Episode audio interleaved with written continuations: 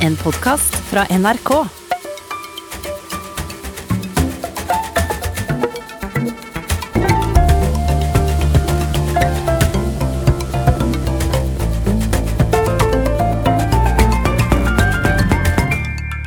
Sigrid Bratteli, hjertelig velkommen hit. Tusen takk. Du er molekul molekylærbiolog eh, med en ph.d. fra Institutt for kreftforskning ved Radiumhospitalet. Og du har fått noen fortjenestemedaljer og sånt for det arbeidet i tillegg. Ja, det, det er ikke fullt fortjenestemedalje, men eh, de gir hvert år ut eh, en medalje til de som leverer den beste doktorgradsavhandlingen. Så det var det det var. Og det var din. Ja, på Det medisinske fakultetet det året. Men jeg har aldri hørt om noen andre som har fått Det er, ikke, det er- første gang jeg møter noen som har fått en sånn. Ja, det er jo gøy. Men eh, ja, er, vi er jo ganske mange av oss, da. Ja. Så ja. Ja, men gratulerer med det. Jo, tusen takk. Eh, og nå jobber du i Bioteknologirådet og er spesialrådgiver i Kreftforeningen og i Norsk Landbrukssamvirke. Ja, nå har jeg ikke det lenger, for så vidt. Nå har jeg akkurat bytta til noe som heter Heidner Biocluster. Eh, som er eh, en klynge med bedrifter som jobber med eh, bioøkonomi og bærekraftig landbruk. Ja, nettopp. Og så har jeg slutta i Bioteknologirådet, da, fordi eh, det ble litt, rett og slett litt mange jobber. Ja, du hadde for mange jobber, ja. Jeg skjønner. du må ta det rolig. Mm. Um, og så har du da skrevet denne boken som, jeg, som var årsaken til at jeg fattet interesse, og at jeg inviterte deg hit. Og det var eh, boken 'Fremtidsmenneske'. Hva den bioteknologiske revolusjonen betyr for deg, som du har skrevet sammen med Halvard Kvale. Eller en som heter Halvard Kvale. Jeg vet jo ikke, jeg kjenner jo ikke Halvard Kvale. Jeg kjenner ham veldig godt. Han er eh, tidligere kollega, men også nå samboer. Også samboer! Ja. Gratulerer. Jo, takk. Vi har Eh. felles interesser i dette, da. Alle pengene strømmer inn i samme husstand. Ja, det gjør det. Det er det beste når det er sånn. Ehm, eh, du har jo også blitt godt kjent nå i det siste fordi du har peiling på vaksiner og hvordan de fungerer, og det er jo uhyre eh, aktuelt nå om dagen. Eh, så du svarer når media spør. eh, og AstraZeneca og det ene og det andre. eh, blodpropp. Eh, og så har du vært med i Abels tårn noen ganger, som mitt favorittradioprogram. Det er Eh. også mitt eh, favorittprogram. ja, fordi du er med der, eller fordi du liker å høre på det? Ikke fordi at jeg er med, fordi at det er et utrolig godt konsept. At man kan spørre om hva som helst. Det er rett og slett helt vanntett. Ja.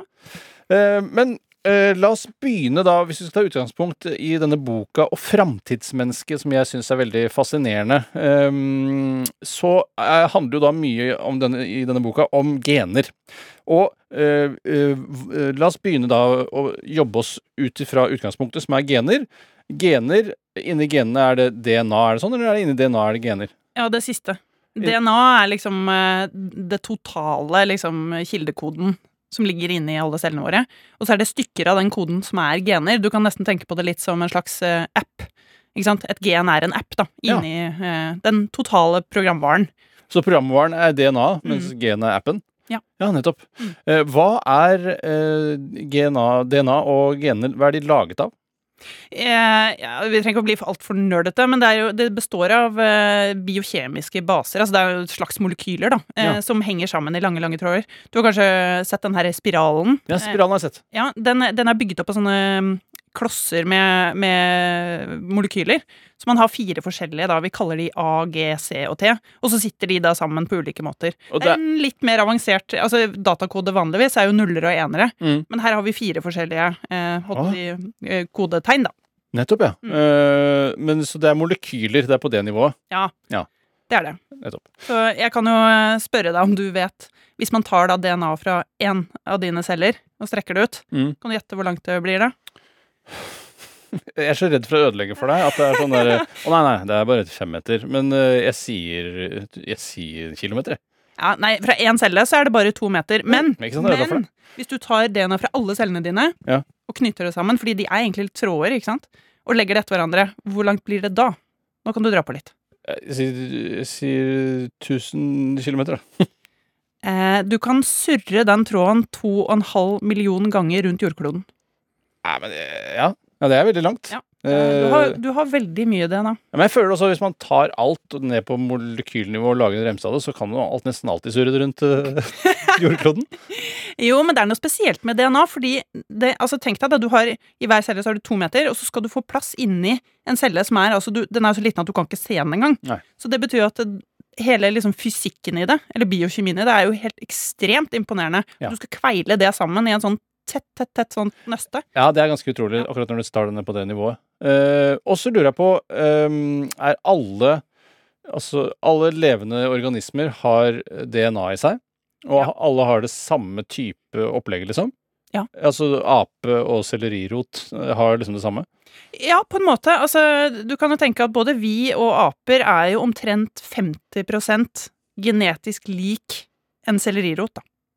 Ja, ok, jeg så like sellerirot, da. Såpass like, ja. Men Fordi det- vi gjør jo mye av det samme. Det er mye sånn, øh, hva skal jeg si, øh, standard programvare som skal sørge for at øh, cellene jobber sånn som de skal og deler seg og sånn. Ja. For jeg har, alltid, jeg har aldri vært så glad i den derre eh, Når man snakker om at eh, vi og apene eh, deler så innmari mye av det samme DNA, så syns jeg likevel at det er veldig forskjellig. Ja, men, øh, vi, altså, du kan tenke at det aller, aller meste som cellene dine trenger å gjøre, det er ganske sånn kritiske funksjoner for at de i det hele tatt skal fungere. Og så er det bare et liten bit av det som, som er på en måte disse tilleggsfunksjonene, da, om vi kan kalle det det, som er på en måte de menneskelige egenskapene. Eller apeegenskaper, da. Ja, nettopp, ja. Mm. Hvorfor, eh, hvorfor kan ikke forskjellige arter Det er kanskje litt på siden, hvorfor kan ikke forskjellige arter få avkom? F.eks. sau eh, og menneske?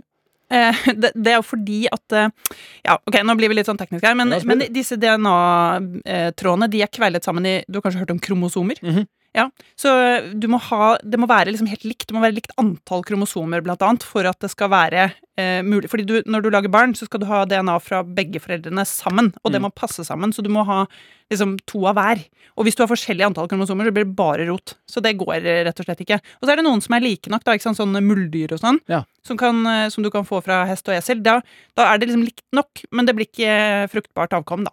Nei, nettopp. Så hvis man kaster eh, menneskesæd på et saueegg, så vil det bare ikke, det vil ikke skje noe? Nei, det skjer ingenting. Nei. Så det er litt sånn Mac og PC-aktig? Ja, Og det er jo en sånn sikkerhetsventil for at det ikke skal bli veldig mye rot da, i, i programvaren. Men de slapp til esel og hest der. Ja, det syns var, det var greit. Skjønner. Um, og eh, OK, så det, det styrer alt. Men en ting som jeg ikke helt skjønner, uh, og som jeg også uh, syns var litt vanskelig når jeg leste boka di, det er genene De bestemmer forskjellige ting. Først da det, det basistingene, pust og lage eh, At man ja, holder seg i live. Men også masse andre ting. sånn, Dette genet styrer f.eks. at du får mørkt hår. Er det et eget gen som styrer om du får mørkt hår? Det er ikke ett gen, eh, men det er, det er jo et begrenset antall gener som påvirker hårfargen din, ja. Men så er det jo litt miljø også, da. Ja, det er Eh, miljø det ja. er, en ganske, det, er, det er mye genetikk i f.eks. hårfarge og øyefarge og sånne ting som er ganske sånn, ja, enkelt. ja og er øyenfarge er det ett gen? Nei, det er ikke ett gen. heller. Man trodde jo det da, lenge at det var ett gen som ga øyefarge, men ja. det er mer komplisert. Det er rundt åtte gener, og så kan det påvirkes av miljøet til en viss grad. Men hvis man bare tar genene isolert, hva gjør de? har de forskjellige åtte genene forskjellige ting de styrer i forbindelse med det å velge øyenfarge? Altså det er forskjellige pigmenter, da. Oh, ja. Sant? Ja, fordi det er jo, fargen bestemmes av ulike pigmenter som du har i, i øyet. Og det samme gjelder jo egentlig hår, da. Ikke sant? Hvor mye pigment du har. Og det samme gjelder jo huden òg. Ja. Eh, Så hudfarge er heller ikke et gen som styrer. det er ikke ett gen, men det, men det er jo i hvert fall betinget av miljøet. Fordi sant? du vet jo når du går ut på en, eh, en varm sommerdag, så produserer huden din plutselig mer pigment fordi du trenger den beskyttelsen. Ja. Så hår, nei, hudfargen er jo ikke konstant heller. Nei, det er sant. Så, men det er genetisk, fordi da virker Da oppfatter eh, hudcellene dine at nå er det UV-stråling, så skrur den på gener som lager mer pigment. Hvis, hvis du tar hele Afrikas populasjon, altså den mørkhudede delen av Afrikas populasjon, og uh, plasserer de i Arktis, hvor mange generasjoner må det gå før de blir hvite? Det, eh, det kommer an på om, eh, om det på en måte påvirker deres evne til å få barn. Å ja. Og antagelig så gjør det jo ikke det i så stor grad. Men du kan si at man har jo studert dette her og sett at de som har mørk hud, som lever i, den, eh, i veldig nordlige breddegrader, de har jo en risiko for å få D-vitaminmangel fordi at de har rett og slett for mye beskyttelse mot solen som ikke er tilpassa. Og motsatt, da, ikke sant. Hvis vi som har, er ganske bleike, hvis vi kommer et sted hvor det er veldig mye sol, så har vi risiko for hudkreft. Ikke sant? Så det kan jo på sikt påvirke en befolkning fordi at du da potensielt kan dø før du får barn. ja av, Men det vil ta litt tid, da, i og med at det ikke har Det har ikke vesentlig mye å si for reproduksjon. Nei, nettopp. Så selv Ja, nei, jeg skjønner. Jeg skjønner. Uh, og så er det da uh, En annen ting som jeg heller ikke skjønner, er at et gen kan styre flere ting. Uh, for eksempel så er det et eksempel i boka di som er at i Nigeria så er det én en av fire i Nigeria som bærer en genmutasjon som kan gi barna deres blodsykdom som heter sigdecelleanemi. Eh, og eh, grunnen til at det er så høyt i det området, er at eh, det å være bærer av denne genmutasjonen også beskytter mot malaria. Mm. Men hvor- hvorfor gjør genet to ting? Ja, altså Det var vel ikke eh, hva skal jeg si, intensjonen til genet, hvis vi kan tillegge den intensjon, da, eh, å beskytte mot malaria. Men det som skjer da, er at eh, den genfeilen gjør at blodcellene som vanligvis er runde og fine, ikke sant? disse røde blodcellene, du har sikkert sett de, sånne runde, Mm. de blir sånn rare. De får sånn rar form på seg, som gjør at blodcellene ikke funker like bra. Men Ja. også den malariaparasitten, den bor i blodcellene. Så den eh, kommer seg ikke inn i blodcellene like bra, eller den trives ikke like godt i blodceller som har sånn rar form. Nei. Så det er ikke på en måte en funksjon som er nyttig på noe vis. Men, men det, jo, det viser jo litt at genetikk er veldig komplisert. Det kan påvirke mange ting samtidig. Ja. Mm.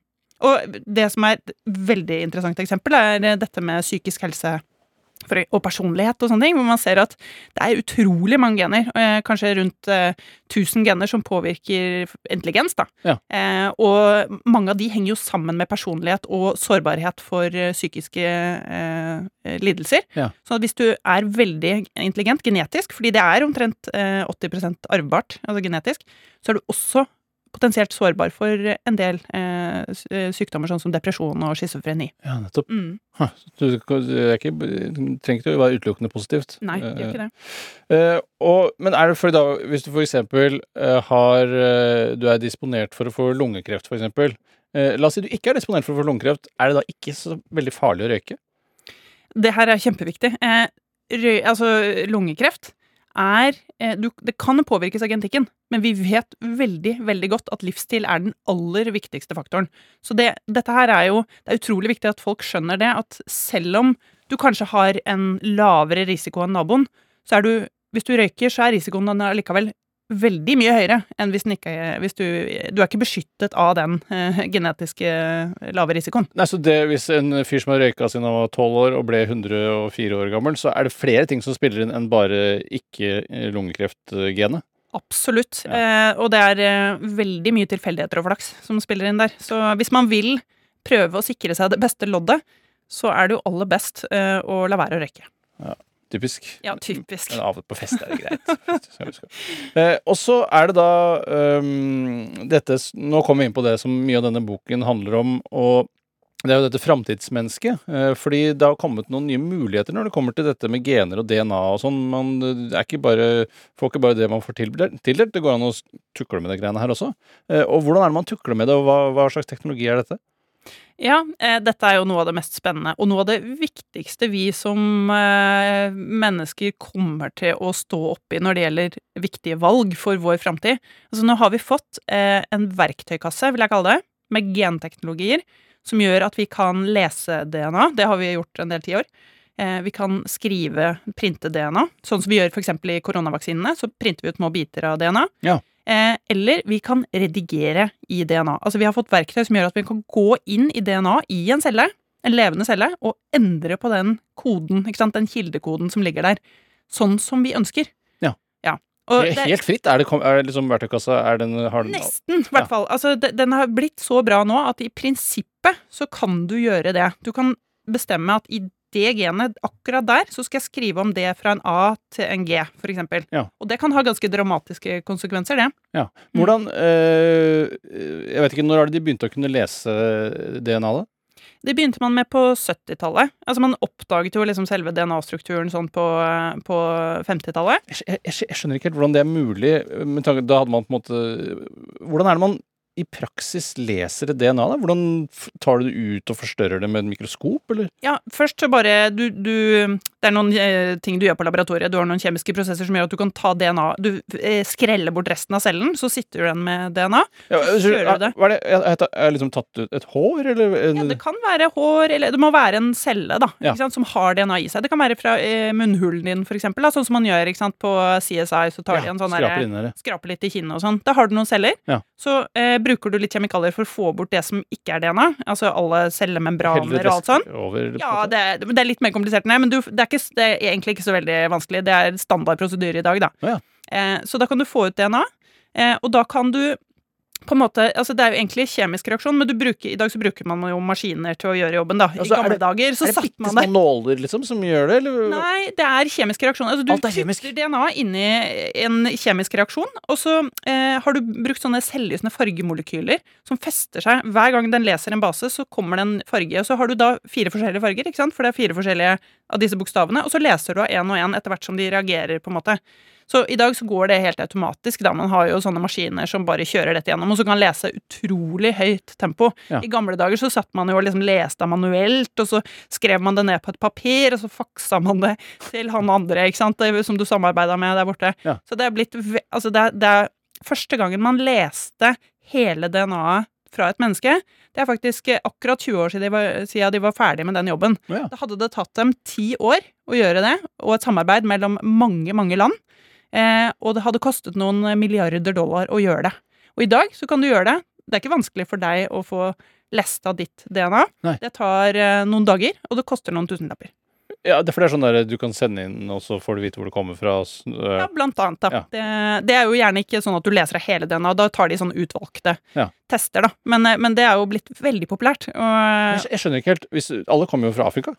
Ja, det kan du si. Ja, alle kommer jo fra én stor utvandring fra Ja. Afrika for eh, Men så kan du få med deg eh, ferden, er det det som er Ja, fordi du kan se på du kan, Man kan lese i DNA-et hvordan mennesket har på en måte spredd seg. Så vi vet f.eks. at i Norge så eh, er befolkningen i Norge sammensatt av to store eh, inntog fra syd og fra øst, når Ja. isen trakk seg tilbake etter siste istid. Ja. Det kan man lese i DNA. Og i USA for eksempel, så vet man eh, med ganske stor sannsynlighet at de kom inn fra eh, i Alaska, ikke sant, gjennom Beringstredet, og eh, spredte seg da sydover gjennom Nord-Amerika og Syd-Amerika. Ja. Så det, og, og man kan se, det er jo noen ting som er litt sånn eh, Som kaster litt om på historien, da. Eh, man ser jo blant annet på de karibiske øyene. Der Columbus og hans gjeng fort, eh, først kom, da de eh, reiste over til eh, Og oppdaget Amerika, som man kaller det. Mhm. At eh, de som bodde der fra før, de ble nesten utrydda på bare noen få generasjoner fordi det var så mye slave, slaveri og mishandel av Ja. dem.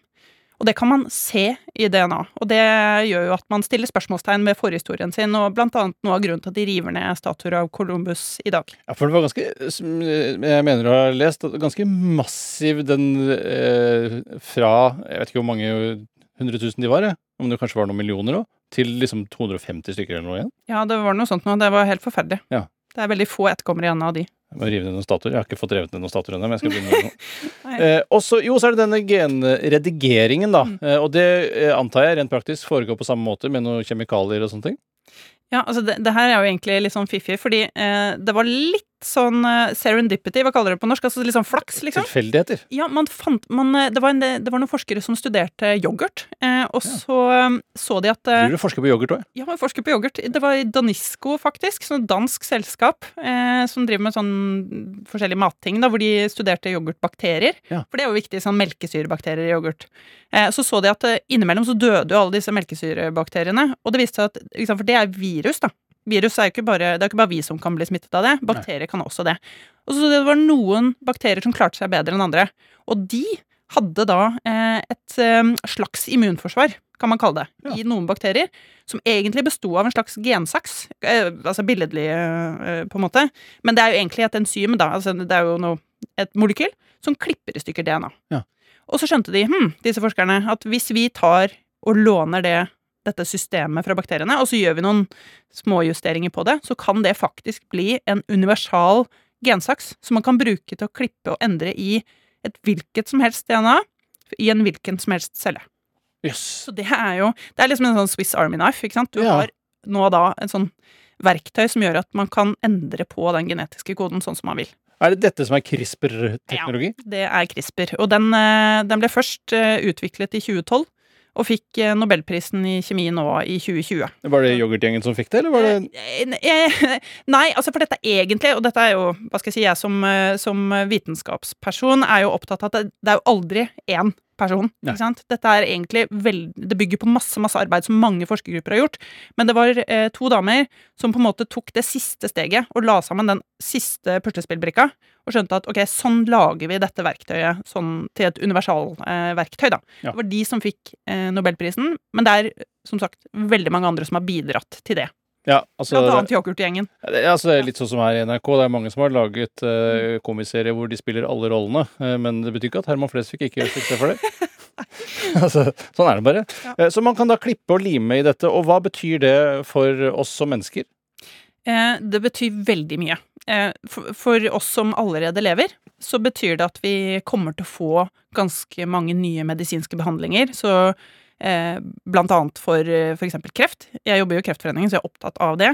Og det å kunne eh, genetisk omprogrammere immuncellene våre, sånn at de blir skikkelig gode på å drepe kreftceller med CRISPR, det eh, kommer vi til å se masse av i årene fremover. Ja. Og det samme da med folk som har f.eks. genetiske sykdommer som gjør at de ikke fungerer optimalt. De kan få genterapi.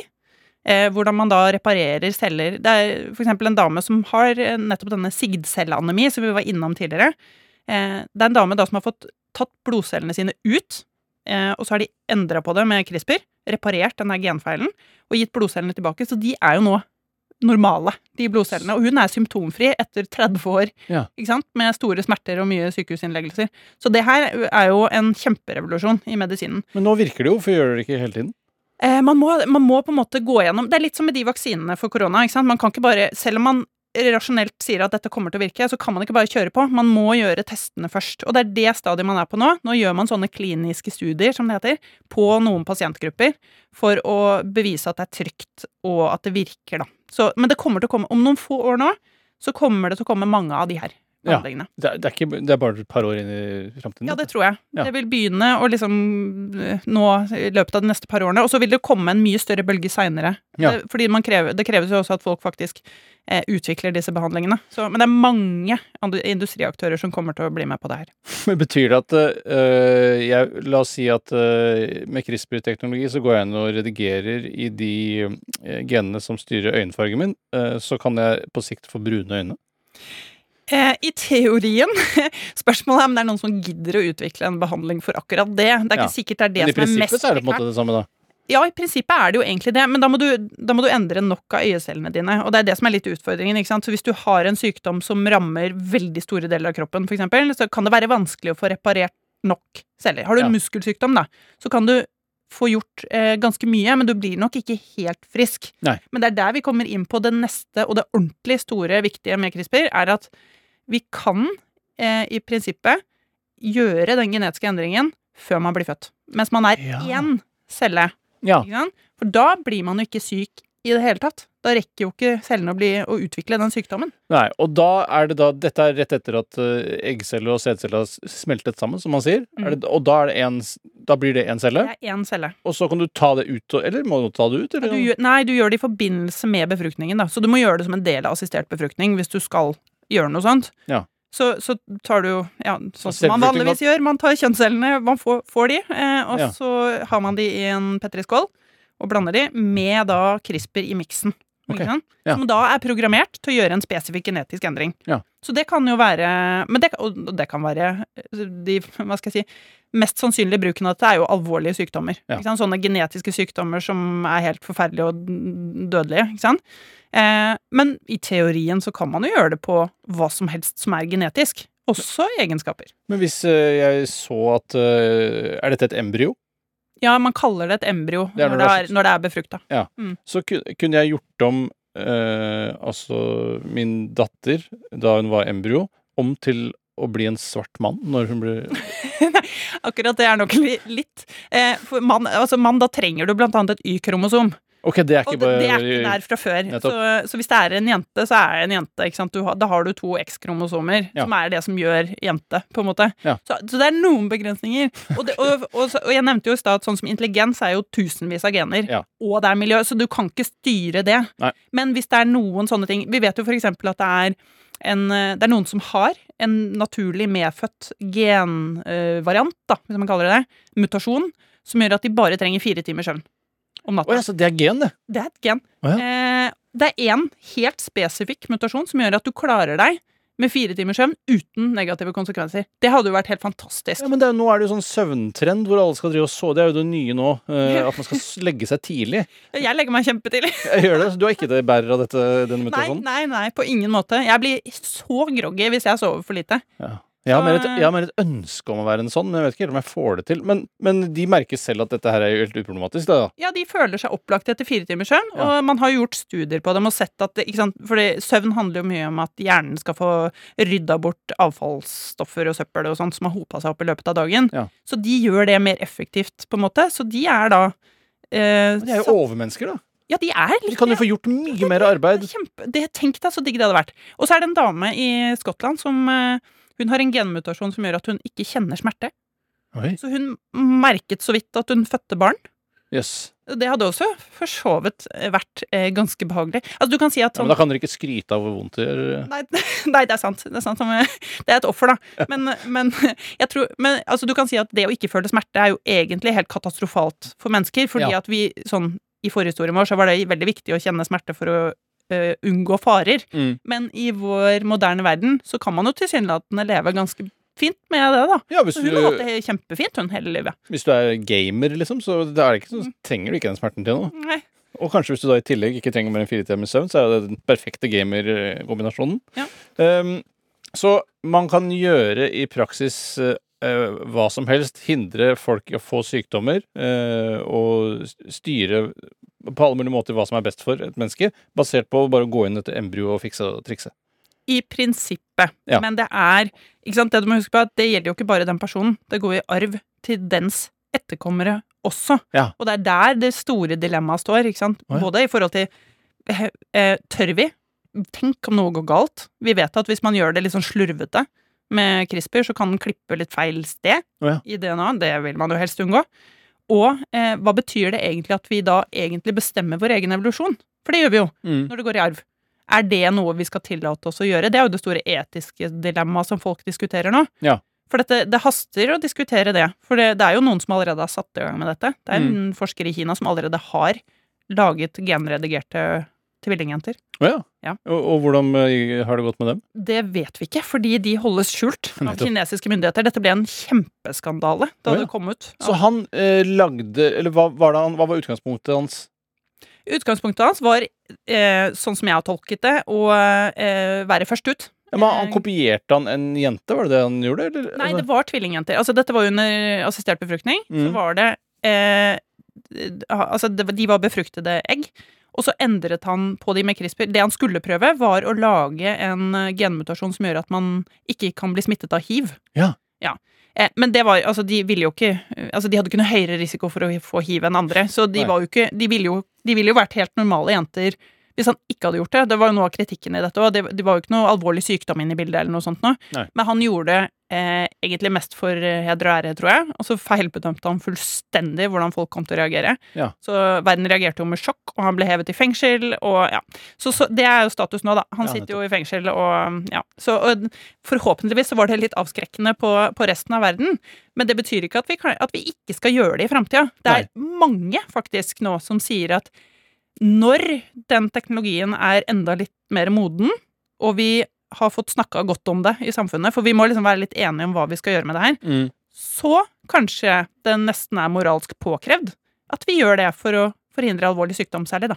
Ja, hvis man vet at noen ja, Mm. Du kommer til å lide eh, i årevis pga. dette, her, og vi hadde egentlig teknologien til å sakse det ut, men vi gjorde det ikke. Ja, så ville ikke det være umoralsk òg, ja. Så det er det vi står overfor nå, da. Vi må jo bestemme oss, vi, da. Ikke sant? Sammen som uh, samfunn, og verdenssamfunn, egentlig, Hva, hva vi skal gjøre med det her. hva, hva fant dere ut av i Bioteknologirådet? Eh, der, det har for så vidt eh, Altså, vi diskuterte det i 2015. Da var dette fortsatt ganske ungt. Da var jo bare den teknologien tre år gammel. Mm. Da landa de på at man ikke var klar for det. Men eh, det har ikke vært diskutert igjen etterpå. Men, men eh, de, mange husker sikkert eh, fra våren 2020 det bråket som var om bioteknologiloven i Stortinget. Ja, der hvor de ja, ja. satte opp pleksiglass for at alle skulle få komme og stemme, og det var mye krangel. Eh, den loven berører jo det her. Ja. Den regulerer det, og det er strengt forbudt i dag. Og de diskuterte ikke det spørsmålet i denne runden. Jeg er litt skuffet over det. Jeg syns godt de kunne tatt den diskusjonen nå, fordi den er høyaktuell. Eh, og at man burde i hvert fall hatt en slags samfunnsdialog om det. Men det kommer, det kommer eh, rett rundt neste hjørne, den diskusjonen der. Og, så det vi diskuterte i våres, eller våren 2020, det er peanuts i forhold til det som kommer. Og hva var det vi diskuterte da igjen? Det var eggdonasjon eh, og assistert befruktning til enslige veldig mye. Som er Du kan si at det er, det er jo dagens teknologier, men de vil virke gammeldags veldig fort. Og det er ikke bare det å kunne endre genene til barna våre. Det er veldig mye annet òg. Vi kan eh, snart, tror jeg, lage kjønnsceller, altså sperm og egg, oh, ja. fra hudceller eller andre kroppsceller. Så du kan i prinsippet eh, lage eggceller, da. Ikke sant? Og ikke sant, hva det betyr? Det betyr at to likekjønnede for eksempel, kan få barn sammen. Ja. Eh, eller du kan få barn med deg selv, i teorien. det, er ikke, det er ikke anbefalt. Nei.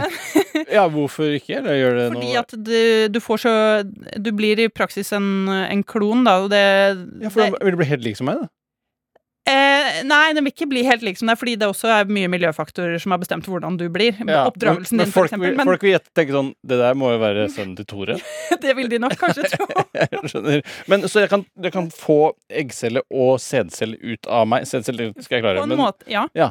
Man har vist at det er mulig i mus. Så har man lagd eh, barn av to musemødre. og da tenker du på dyremus. Hæ? Da er det dyremus du snakker om. Dyremus. I mus vet jeg at det går an. Ja, i dyremus, ja. Jeg skjønner.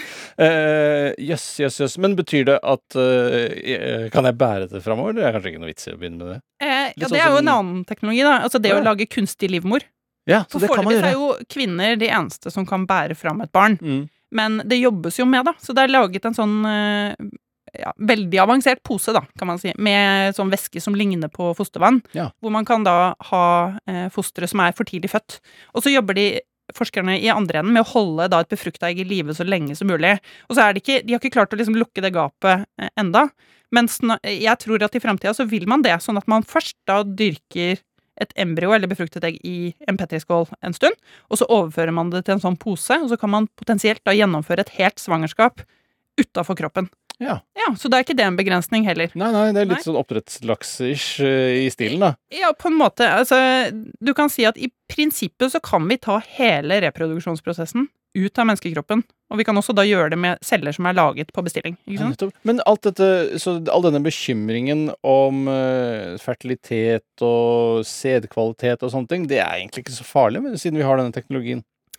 Eh, jeg tror det er Du kan si at dette blir jo sånn high-tech. ikke sant? Så det er ikke sånn at det er hvem som helst som, som kommer til å få tilbud om dette. Og vi er, det er noen år unna at vi, vi er der. Mm. Eh, og ikke minst så handler det om samfunnsaksept. Så selv om det er teknisk mulig å gjøre sånne ting etter hvert, så tror jeg det sitter langt inne å ha det som et tilbud til folk. Eh, Er det dere som, du som da sitter, er dy- dy- dypt sitter til knes i dette, i denne materien, er, merker du at du er mer liberal i forhold til dette enn folk flest? Det er vanskelig å si hva folk flest egentlig mener, for det er mange som påberoper seg å vite det. Eh, og som mener at de representerer en eller annen sånn folkemening som ikke alltid kanskje stemmer helt med virkeligheten. Men jeg er jo eh, liberal. Jeg tenker at det er mye etikk i det også å, å, å hjelpe folk, da. Mm. Med, med å få barn, for eksempel. Eh, og det å få barn er jo en av de politisk mest sensitive temaene når det gjelder bioteknologi. Så jeg er nok på den liberale siden, og jeg tenker at det, det argumentet jeg ofte møter, er at sant, det er et skråplan der. Så hvis vi liksom tillater å gjøre noe for å hjelpe de som er syke, så er ikke veien lang til at vi bare endrer på egenskaper og hudfarge og øyefarge og you name it. Men jeg tror ikke på det. Jeg tror at det går helt fint an å sette den grensen og si at vi kan gjøre ganske mye, men vi trenger ikke å gjøre alt. Vi kan si stopp et sted. Mm. Ja, det tror jeg. Og at man for lett slår i bordet med de, de her skremselsbildene om at ja, det, da er veien kort til å begynne å tukle med intelligensen. Jeg, sånn er det ikke. Men også er det jo den derre en, eh, Nå påberoper meg å vite hva folk flest mener, men, men eh, eh, samtidig, når man snakker om dette, så er det ofte snakk om moral og at eh, man lager et overmenneske, og at andre mennesker blir mindre verdt og alt det greiene der. Men samtidig så uh, syns jeg det virker som om altså eh, samfunnet blir mer tolerant eh, også, eh, samtidig, på en måte. Så denne åpenheten, at de to tingene hjelper hverandre framover. Ja, jeg er helt enig. Og det med at jeg føler at dette rettferdighetsperspektivet blir veldig viktig. Altså sosial rettferdighet. Eh, og det, det kommer jo til å bli også veldig viktig med bioteknologi. Eh, disse genterapiene som jeg snakket om i stad, som ikke er sånn arvelige ting, men som er medisin, det kommer til å koste så vanvittig mye. Eh, noen av de liksom førstegenerasjons genterapiene som fins nå, som diskuteres nå om det skal innføres i helsetjenesten her i Norge, eh, koster sånn rundt 20 millioner kroner for en behandling. ja, det behandling. er såpass, ja. Ja, Så det med, med rettferdighet og lik tilgang på behandling kommer til å bli et kjempetema. Og der føler jeg i likhet med deg at eh, vi er i ferd med å liksom endre en del perspektiver og er mer opptatt av likeverd på en måte på tvers av en del sånne grupperinger som man ikke har vært før. da. Ja, for Man var jo veldig redd for dette, at det liksom skulle innskrenkes med all teknologien og det at man kunne lage liksom et supermenneske, men jeg føler at det snarere går i motsatt retning. Mm. Jeg er helt enig at det er mer toleranse for den eh, Hva skal jeg si, det man, det man har medfødt, da. Ja. Mm. Så, eh, men, eh, så man kan helt fint lage mennesker i farmer om ikke så lenge. Ja, eh, kanskje. Ja. Eh, kanskje kan man det. Ja. Mm. Og kanskje ikke det er så mora- umoralsk heller. Vi ser an. Vi, kan, vi får vente litt med det. Ja. Um, uh, en annen ting som jeg lurer på, eh, bare for å skifte litt tema, eh, det er um, Var det uh, like mye kreft før som nå? Nei, men det handler i all hovedsak om at vi blir eldre. Ja. At vi lever lenger enn en vi gjorde før. Ja. For kreft, det er en sånn Det er egentlig en statistisk eh, sannsynlighetsregning, fordi jo lengre du lever, jo større er sjansen for at du får kreft og andre alderdomssykdommer som demens og hjertesykdom osv. Eh, fordi de er et resultat av at det eh, hoper seg opp skader på kroppen din over tid. Så før eller senere, hvis ikke du dør av noe annet, så får du kreft. Er det sant? Ja. Kreft får du uansett. Ja, så lever du lenge nok. Ja. Eh, Eh, men så man døde mer av andre ting da, før eh, enn det man gjør nå. Ja. Det Ja. var jo for eksempel eh, mye høyere barnedødelighet, som dro ned snittalderen, da. Ja. Eh, og det var mye mer hungersnød før, og infeksjonssykdommer, da, ikke minst. Eh, før vi fikk antibiotika og skjønte at det å vaske seg på hendene var en god ting. Ja, Så det er liksom, kreften står liksom litt igjen eh, som siste I tillegg til da noen andre livsstilssykdommer, da. Ja. Det er det som, som blir igjen når du da har på en måte Når du begynner å nærme deg maksimumsalderen for et menneske, ikke sant? Da, det er da disse sykdommene begynner å oppstå, da. Hva er maksimumsalderen for et menneske? Man har regna seg fram til at det er rundt 115 år. 115 bare?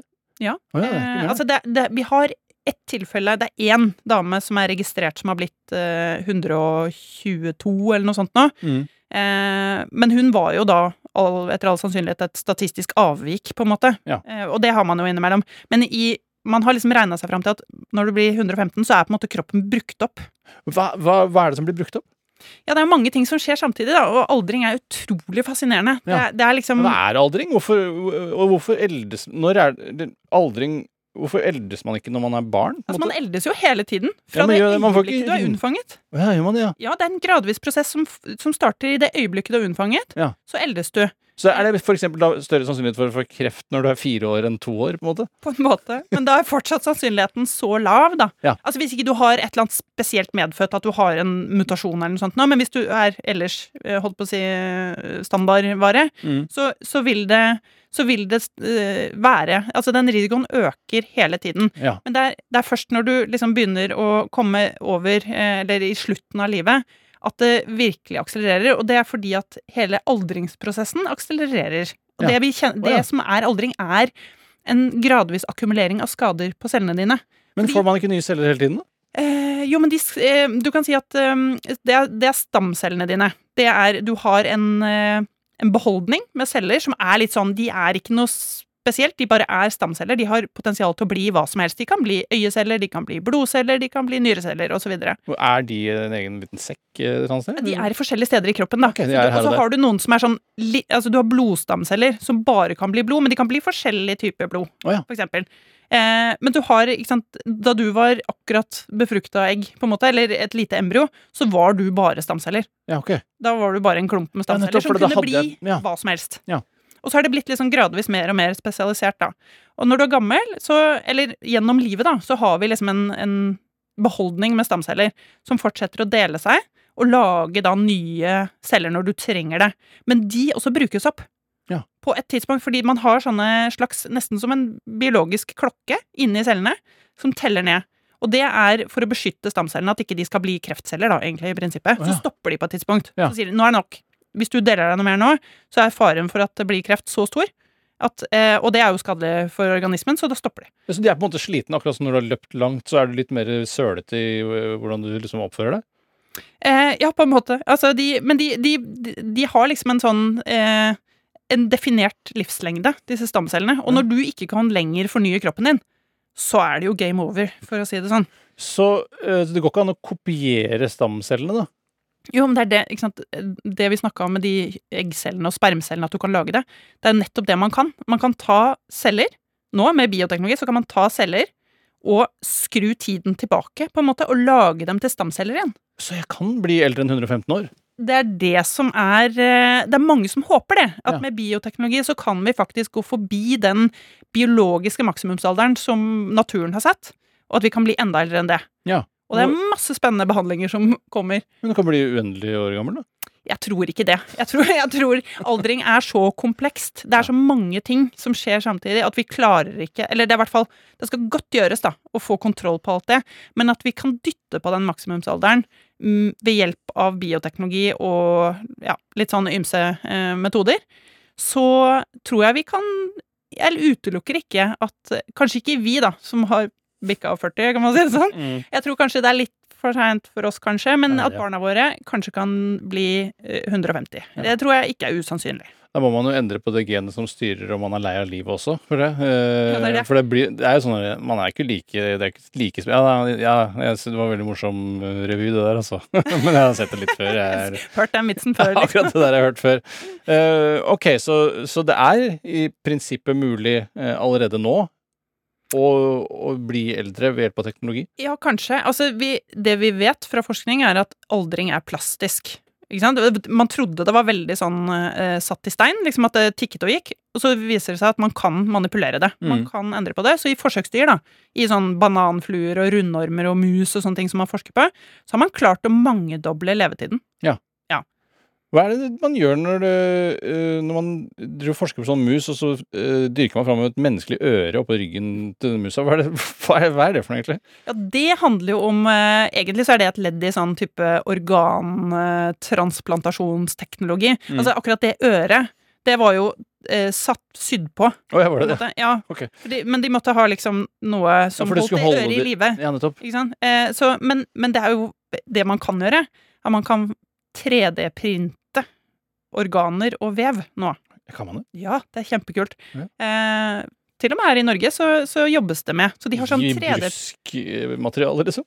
Ja, men de, altså, celler, da. Ikke sant? Så Ja. istedenfor blekk eller, eller plast eller sånne ting som man bruker ellers, så bruker man celler i de dysene. Ikke Ja. Og så printer den ut da i sånn 3D-struktur. Fordi organer er jo ganske komplisert tredimensjonal eh, form på. Ja. Så man er ikke helt i mål da, fordi det er veldig komplisert. Mm. Men man har kommet ganske langt med det. Så i, man kan f.eks. printe hjertevev, altså hjerteceller som, eh, som slår. Sånn at hvis du har fått et hjerteinfarkt, da Nå er ikke dette i bruk enda, men, men det er ikke så langt unna.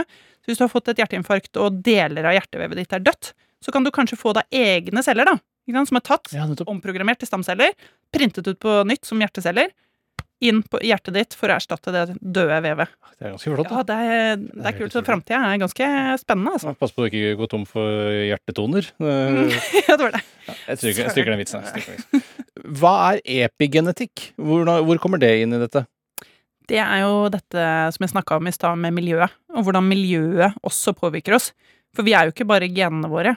Det er jo veldig mange ting i vårt uh, miljø og andre altså miljøpåvirkninger som Har, har du noe ballpark på hvor ligger vi nå uh, på forholdet mellom eh, miljø og gener? Og Det kommer helt an på egenskapen. Som sagt, altså Intelligens er sånn rundt 80% genetisk. Ja. Så du arver gener fra foreldrene dine som bestemmer rundt 80% av hvor intelligent du blir. Og så er det 20% av det som er formbart i forhold til miljøet. Altså Det vil være ting som, som utdanning og andre ting, og det kan være maten du spiser, for den saks skyld, Mm. som påvirker hvor intelligent du blir, da. Ja. Og andre egenskaper er jo mye mer miljøbetinget. Ikke Ja, sant? Det er mye, eh, mange personlighetstrekk som er mer miljøbetinget enn det, da. Ja, men eh, epigenetikken er altså at miljøet påvirker genene. Ja, for de kan slå gener av og på. Ja. Husker du jeg sa det der med pigment i huden, og at hvis sola skinner? Det er epigenetikk. Å ja. For da Så det er sesongbasert òg, bare om sommeren. ja, alt, alt du gjør, alt, alle miljøinntrykk. Alt du får i deg, alt du opplever, alt du Miljøgifter, eh, solstråling Alt Ja. som eh, påvirker deg,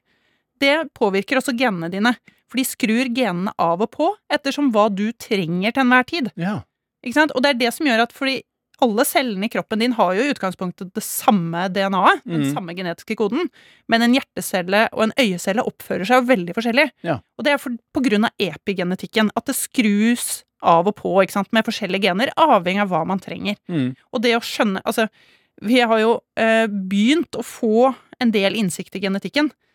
Epigenetikken, derimot, er jo så har man så vidt skrapt i overflaten av hva Ja. det egentlig betyr, og, og hvordan det oppfører seg. Men kaller man endringer i genene pga. miljø for eh, miljø eh, eller arv? Eller hva, hvilke, hva Det sorterer du under? Epigenetikk er jo blandingen, da. Det er der arv møter miljø. Ja. Det? Så den diskusjonen arv og miljø er egentlig litt kunstig. Fordi det er jo begge deler. Ja. Ikke sant? Så, og det er jo veldig sånn fascinerende. Man så blant annet at eh, hvordan epigenetikken kan påvirke en ganske dramatisk. Da. Eh, det var mødre som var holdt i konsentrasjonsleirer under eh, andre verdenskrig, som var gravide. Så så man da at de, For de sultet, disse mødrene. Så så man at de barna som da ble født etter krigen, når det da ikke lenger var eh, eh, matmangel, mm. de spiste veldig mye mer enn de trengte. Ja. Og det var jo antagelig fordi det epigenetikken, genene deres hadde blitt eh, Innstillingen på genene var satt til at nå er det lite mat. Ja. Så da må vi skru opp eh, sultgenet, da, hvis du skjønner hva jeg mener, eller genene. Eh, sånn at man da passer på å få i seg nok mat. Altså, Men Men de- det hadde jo negative konsekvenser for dem. For de spiste jo for, for mye. Så mye at de, fikk, at de levde kortere enn andre. Så eh, barn av de som satt i konsentrasjonsleir, ble veldig tjukke? Eh, Ja. ja. I prinsippet. Og det fikk da redusert eh, levetid. Fordi de eh, spiste da for mye mat. Så man har ikke funnet ut av hvorfor noen ting skrur seg opp også fort, da, og noen ting går litt tregere? For her burde jo epigentikken vært på ballen og, og skrudd av dette her for lengst. Ja, det burde det. Men det, sant? det er noen typer eh, Hva skal jeg si at disse e epigenetiske endringene altså Det er egentlig sånne kjemiske merkelapper som sitter utapå genene. Mm. Noen av de sitter skikkelig hardt fast, eh, og det er vanskelig å på en måte endre på det. Mens andre er mye lettere å liksom ta av og på. Ja. Så, og det er et kjempekomplekst samspill, da. Men gener, et gen er av eller på, ikke sant? Er det liksom sånn? Nei, Det det er er, en bonknapp. Å, herregud, er det på toppen av det hele? Ja, så det du kan kan ha litt, eh, eller du kan ha mye. Ikke sant? Og det er sånn finjustering, Ja. avhengig av ja, miljøforholdene, da. Altså, noen somre kan jeg bli brunere enn andre. Ja, det, og det kommer jo an på hvor Uten at jeg er mer i sola, da. nødvendigvis. Ja, ja, ja. Og det kommer jo også an på hvor mye du smører deg, det kommer an på hvor mye sol det er, hvor ofte du er ute. Ikke sant? Ja, det er mange ting. Eh, Du, du, du snakket om disse damene i konsentrasjonsleir, ikke for å ta så lett på akkurat det, men, men fordi eh, et annet tema som det snakkes mye om i boka di, som du skriver mye om i boka di, og som det har jeg har toucha innpå flere ganger med andre gjester i denne podkastserien, det er dette med eh, tarmen. Eh, og det som foregår i tarmen. For det, tarmen er det helt store nå om dagen. Eh, og jeg vet ikke hvor Jeg har snakket litt med de andre gjestene om det også, men eh, nå er det veldig mye eh, Mange nøkler ligger i tarmen, om jeg kan si det på den rare måten. Mm. Eh, for hva er det man liksom har funnet ut av om tarmen og tarmfloraen? Ja, hvor skal man Ja, begynne? skal- Altså, jo, men dette er, det er litt som epigenetikk, at eh, man har skjønt at det er andre ting som har mye å si. Så vi mennesker, vi har jo Altså, vi er egentlig bare halvt menneske. Vi har like mange bakterier og andre mikroorganismer på kroppen som vi har egne celler. Oh ja, Det vil si rundt 37 billioner. Eh, Men så er det da, eh, blant annet eh, i sykdomsbekjempelse og alt mulig sånt, så eh, viser det seg at eh, mer og flere og flere av nøklene ligger i tarmen. Ja. Det har veldig mye å si for eh, mange deler av helsen vår. Eh, Altså, det, det, si, det man fant ut først, var jo tarmhelse. Mm. Den er jo kanskje litt åpenbar, da. Så hvis man da, det man har gjort, er at man testet ut, man har byttet ut tarminnholdet. Altså rett og slett bare tilført eh, frisk avføring, da. Ja. Inn i en syk tarm, Ja. og sett hva som skjer. Og det har veldig god effekt på en del uh, pasienter som uh, har enten sånn kronisk tarminfeksjoner eller sånn eh, hva er det det heter på norsk? Sånn IBS, sånn der Irritable Bowel Ja, ja, Syndrome. det- Altså sånn der eh, irritabel tarm. Og sånn, det virker veldig bra. Du tar bare bæsj fra den andre, putter opp i Ja, altså Du renser ut, og så tilfører du en frisk tarmflora. Ja. At det virker. Men det man også har sett, er at det kan ha ganske god effekt på en del eh, nevrologiske sykdommer, altså hjernehelse. Ja. Så for eksempel Parkinson-pasienter som har fått ny, frisk eh, tarmflora, gjør det bedre. Men eh, hva er det som har gitt dem den dårlige floraen i utgangspunktet? Er det maten de har spist, eller er det også noen gener som styrer dette? En blanding, mest sannsynlig. Ja. Vi vet at det er genetiske ting som styrer hvilke bakterier som trives i tarmen din. Men det er også maten. Og vi vet at en Altså et type vestlig kosthold, da, det som vi At vi har litt sånn ensidig kosthold, at det er dårlig for tarmfloraen vår, så den blir mindre variert. Vi har en mer ensformig tarmflora som er dårlig for helsa vår. Ja. Ja, Så det er begge deler. Og de som eh, blir sånne, det jeg kaller i boka supergamlinger, eh, de som blir over 100, de har eh, en friskere tarmflora enn de som ikke blir det. Og det henger nok både sammen med gener, at de er godt utstyrt genetisk, men også da at de har hatt en god livsstil. Ja, og dette er folk fra disse såkalte blå sonene. Blant annet, ja. Ja, og hva, hva er det som er eh, fellesnevneren til denne gjengen, da? I de blå sonene, det er noen steder i verden da, hvor de har sett at man lever spesielt lenge, eller hvor snittalderen er veldig høy, da man får særlig mange eh, supergamlinger. Eh, de, det som er de viktigste fellestrekkene, er kosthold. At de spiser eh, sunt og variert og, og lite mettet fett og den type ting. Det er Klassisk eh, matråd, liksom? Ja, Ja. egentlig. Eh, og at de er mye i bevegelse. Ja. Ikke nødvendigvis trener veldig, veldig hardt, det er ikke det som er nøkkelen, men at de holder seg mye i naturlig bevegelse. Eh, og at de verken er undervektige eller overvektige, og at de, de sover mye. Eh, og det er jo veldig interessant, fordi alle vet jo ikke sant, at vi skal sove eh, lenge, vi skal spise sunt og vi skal trene for å holde oss unge. Og så har man begynt å finne ut hvorfor det, eh, og det er jo veldig fascinerende innsikt. da. Mm. Blant annet det at eh, søvn er viktig for å rense ut avfallsstoffer fra hjernen. Eh, trening så er det blant annet god effekt fra melkesyre. Eh, at du da, er det bra, det? Ja, det har god effekt på hjernehelse, fordi du får mer blodårevekst i hjernen. Så eh, nattryddingen, det, er avhengig av fysisk fostring? Nei, det skjer uansett. Nattryddingen, det, er, det er du programmert til å gjøre, men de okay. trenger liksom de timene i løpet av natta til å gjøre ferdig ryddejobben, da. Ja. Så hvis du sover for lite, så rekker det ikke å bli ferdig med å tette igjen eh, eller reparere ting som har blitt ødelagt i løpet av dagen. Nei. Måte, eller rydde bort søpla. Hva Men har du noe, jeg vet ikke om du vet noe om det, men all denne drømmingen, er det, er det liksom en konsekvens av den ryddinga, eller hvorfor det vet jeg ikke helt. Eh, Jeg, vet, jeg tror mesteparten av den ryddinga foregår når du er i dyp søvn. Ja. Så da, da er de i full sving eh, oppi der og fjerner ut eh, sånne klumpete proteiner som har hopet seg opp, og, som lager floker der oppe, da, Ja. for å si det sånn. Og så burde man ikke spise hele tiden heller? Nei, det, og, det, og dette er et litt sånn sensitivt tema, fordi det der med, med mat og kontroll av matinntak og sånn kan være litt sånn touchy, og det er viktig å understreke at dette her er ikke noe som anbefales i det hele tatt hvis man har et litt sånn trøblete forhold til mat. Men man har jo sett at eh, det man kaller kalorirestriksjon, altså det å spise Altså, du må fortsatt dekke næringsbehovet ditt, men da eh, rundt 30% mindre enn det som er det, et vanlig matinntak kan ha gunstige effekter på helse og aldring, fordi man rett og slett skrur ned tempoet på stoffskiftet. Altså stoffskiftet er det som egentlig er forbruket, da. Forbruket av kroppen. Man skrur det ned, bremser det ned, og setter kroppen i litt sånn krisemodus. At nå, nå er det litt lite mat, så nå må vi prioritere vedlikehold og reparasjon framfor forbruk. Mm. Og det kan ha en gunstig effekt.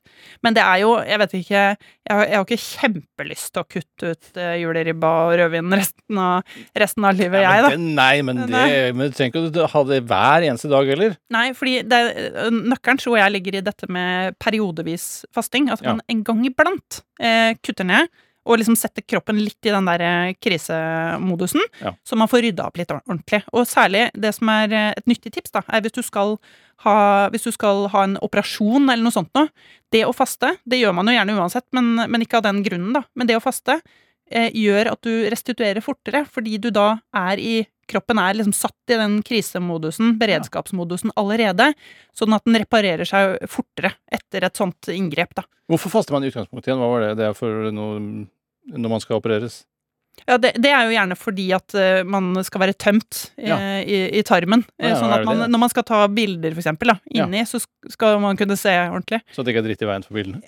Bokstavelig talt. Men det har da en bonuseffekt. At Ja. du da, kroppen din er, eh, er i, i god stand. Eh, når du altså, Eller at den kommer seg raskere, da. Rett og slett. Og vi, Det- jeg husker vi i min familie har gjort så mye narr av faren min, som bare spiste frokost klokka seks, og så var det først middag klokka fem, det var det neste han spiste, og mer enn det spiste han ikke.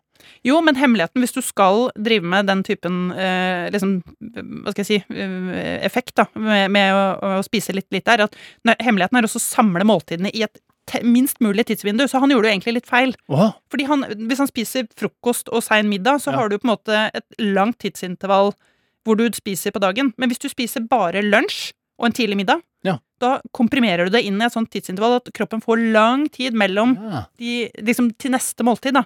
Så at den rekker liksom å komme litt i den derre eh, si, ryddemodusen. Setter deg fra tolv til tre til spising, Ja. og så bare hiver du inn på det du klarer da. Men er det bra å spise så innmari mye når man spiser, da? Altså, I utgangspunktet rolle. så spiller ikke det noen rolle, så lenge du får det derre oppholdet. Ja. At kroppen da går over fra å egentlig å bruke blodsukker til å forbrenne fett. Ja. Det er det som er på en måte Ja? Så hvis du gjør det, så får du litt sånn Tvinger du gjennom en litt sånn opprydning i kroppen. Men jeg vil som sagt understreke at det å drive og ha veldig mye kontroll over måltider og sånn, det er ikke alltid det er bra. Så dette her er jo viktig at man gjør med forsiktighet, i så fall. Ja. Mm. Kontakt din lege. Ikke det man sier alltid? Hør med legen først. Med Ja, hvis du merker at dette blir psykisk belastende for deg, så ikke gjør det, er mitt tips. Ja, det er et generelt tips, Mm. mm. syns jeg. Mm. Um, nettopp. eh, eh, det å ha rask forbrenning, sier man ofte om folk som er veldig tynne og har så rask forbrenning. Mm. Er det egentlig mulig å ha rask forbrenning? Men forbrenne noe fortere Altså, han forbrenner en eh, lollipop fortere enn en annen? Er det, er det i det hele tatt Altså, forbrenningen kan jo Altså, det vi kaller på en måte stoffskifte, det kan jo gå i litt ulikt tempo. Det er jo nettopp det man gjør når man da eh, spiser mindre, at man sakker det litt ned, på en måte. Ja. Eh, så, men, men Hvis man sitter helt, to personer sitter helt stille og spiser den lollipopen, så er det en som forbrenner den fortere enn den andre? Ja, men det, er ikke, altså det at man har forskjell på liksom, hvordan kroppen reagerer på mat, og, og hvor, hvor stor eller liten man er, og sånn, det, er, det er også veldig sammensatt. Det er ikke bare med forbrenning. Det handler jo om gener, det òg. Så noen, noen har gener som gjør at fettcellene er veldig glad i å lagre fett. Ikke sant? Ja. Eh, mens andre ikke har det. Så det handler jo litt om sånne ting òg, da. Så det er jo altfor forenklet å si at man bare har rask forbrenning, på en måte. Er alle sykdommer eh, eller defekter man kan ha, er det eh, genmutasjoner? Nei. Det er jo noen, noen sykdommer som er sånn åpenbart genetiske. Det er, det er faktisk flere tusen da, som er det, men de er sjeldne hver for seg. På en måte. Eh, men de aller, aller fleste sykdommer er en kombinasjon av gener og livsstil. Og Ja. er det noen som er utelukkende eh, miljøfaktorer. Altså en infeksjon, da. Korona. Det har ingenting med, med genene å, å Nei, gjøre, på en måte om du får det eller ikke. Men er det øh, Altså, var det egentlig liksom meningen at eh, naturlig seleksjon og sånn skulle sjalte ut mye av det som vi er nødt til å bære videre nå som medisinen og legevitenskapen har kommet så langt? Altså, du kan si at eh, hvis en genmutasjon, eller hvis det påvirker Hvis det gjør deg så syk at det påvirker din evne til å få barn, så vil det lukes ut i Ja. evolusjonen. Med mindre vi overstyrer det. Ikke sant? Så hvis du har Du kan si at vi mennesker har for eksempel fått eh, trangere og trangere bekken. Og det blir trangere og trangere. Ja, og det, teorien er jo litt av også at kroppsbygningen vår handler om å få å liksom bære en tung hjerne. Så eh, kroppsfasongen til mennesket har jo endret seg gradvis, og som har gjort at vi har fått et smalt bekken, blant annet, som gjør at det er vanskelig å føde et barn med stor hjerne. Ikke sant? Så dette er jo litt sånn catch 22, da. Eh, men vi kan jo ta keisersnitt. Så den Ja. utlukingsmekanismen som vanligvis ville vært der i evolusjonen, den gjelder jo ikke lenger. Nei. I vår del av verden, i hvert fall, hvor vi gjør eh, sånne ting. Så vi har jo Vi bruker jo hele tiden ulike metoder og vitenskap til å overstyre de vanlige begrensningene Ja. som ligger i evolusjonen. Og helt uten uh, Altså fordomsfritt og holdningsfritt, uh, ville Tror du naturlig seleksjon ville eh, tatt med seg uh, psykiske lidelser f.eks. videre, eller tror du det hadde vært mindre av det? Det er utrolig fascistisk av meg bare å spørre, men uh, jeg lurer veldig på det. Men det er kjempeinteressant, fordi jeg tror nesten det er motsatt. Fordi at Ja. vi ser at nettopp eh, psykiske lidelser henger ofte tett sammen med intelligens. Og eh, hvis vi tar for eksempel schizofreni. Mm. det er sannsynligvis utelukkende en menneskesykdom. Vi har ikke observert det i andre arter, Å, og mest sannsynlig så henger det sammen med Altså der er det en del gener som gjør om man blir sårbar for det. Det henger sammen med språkutvikling hos mennesker. Ja. Ikke sant? Som er en kjempefordel for oss.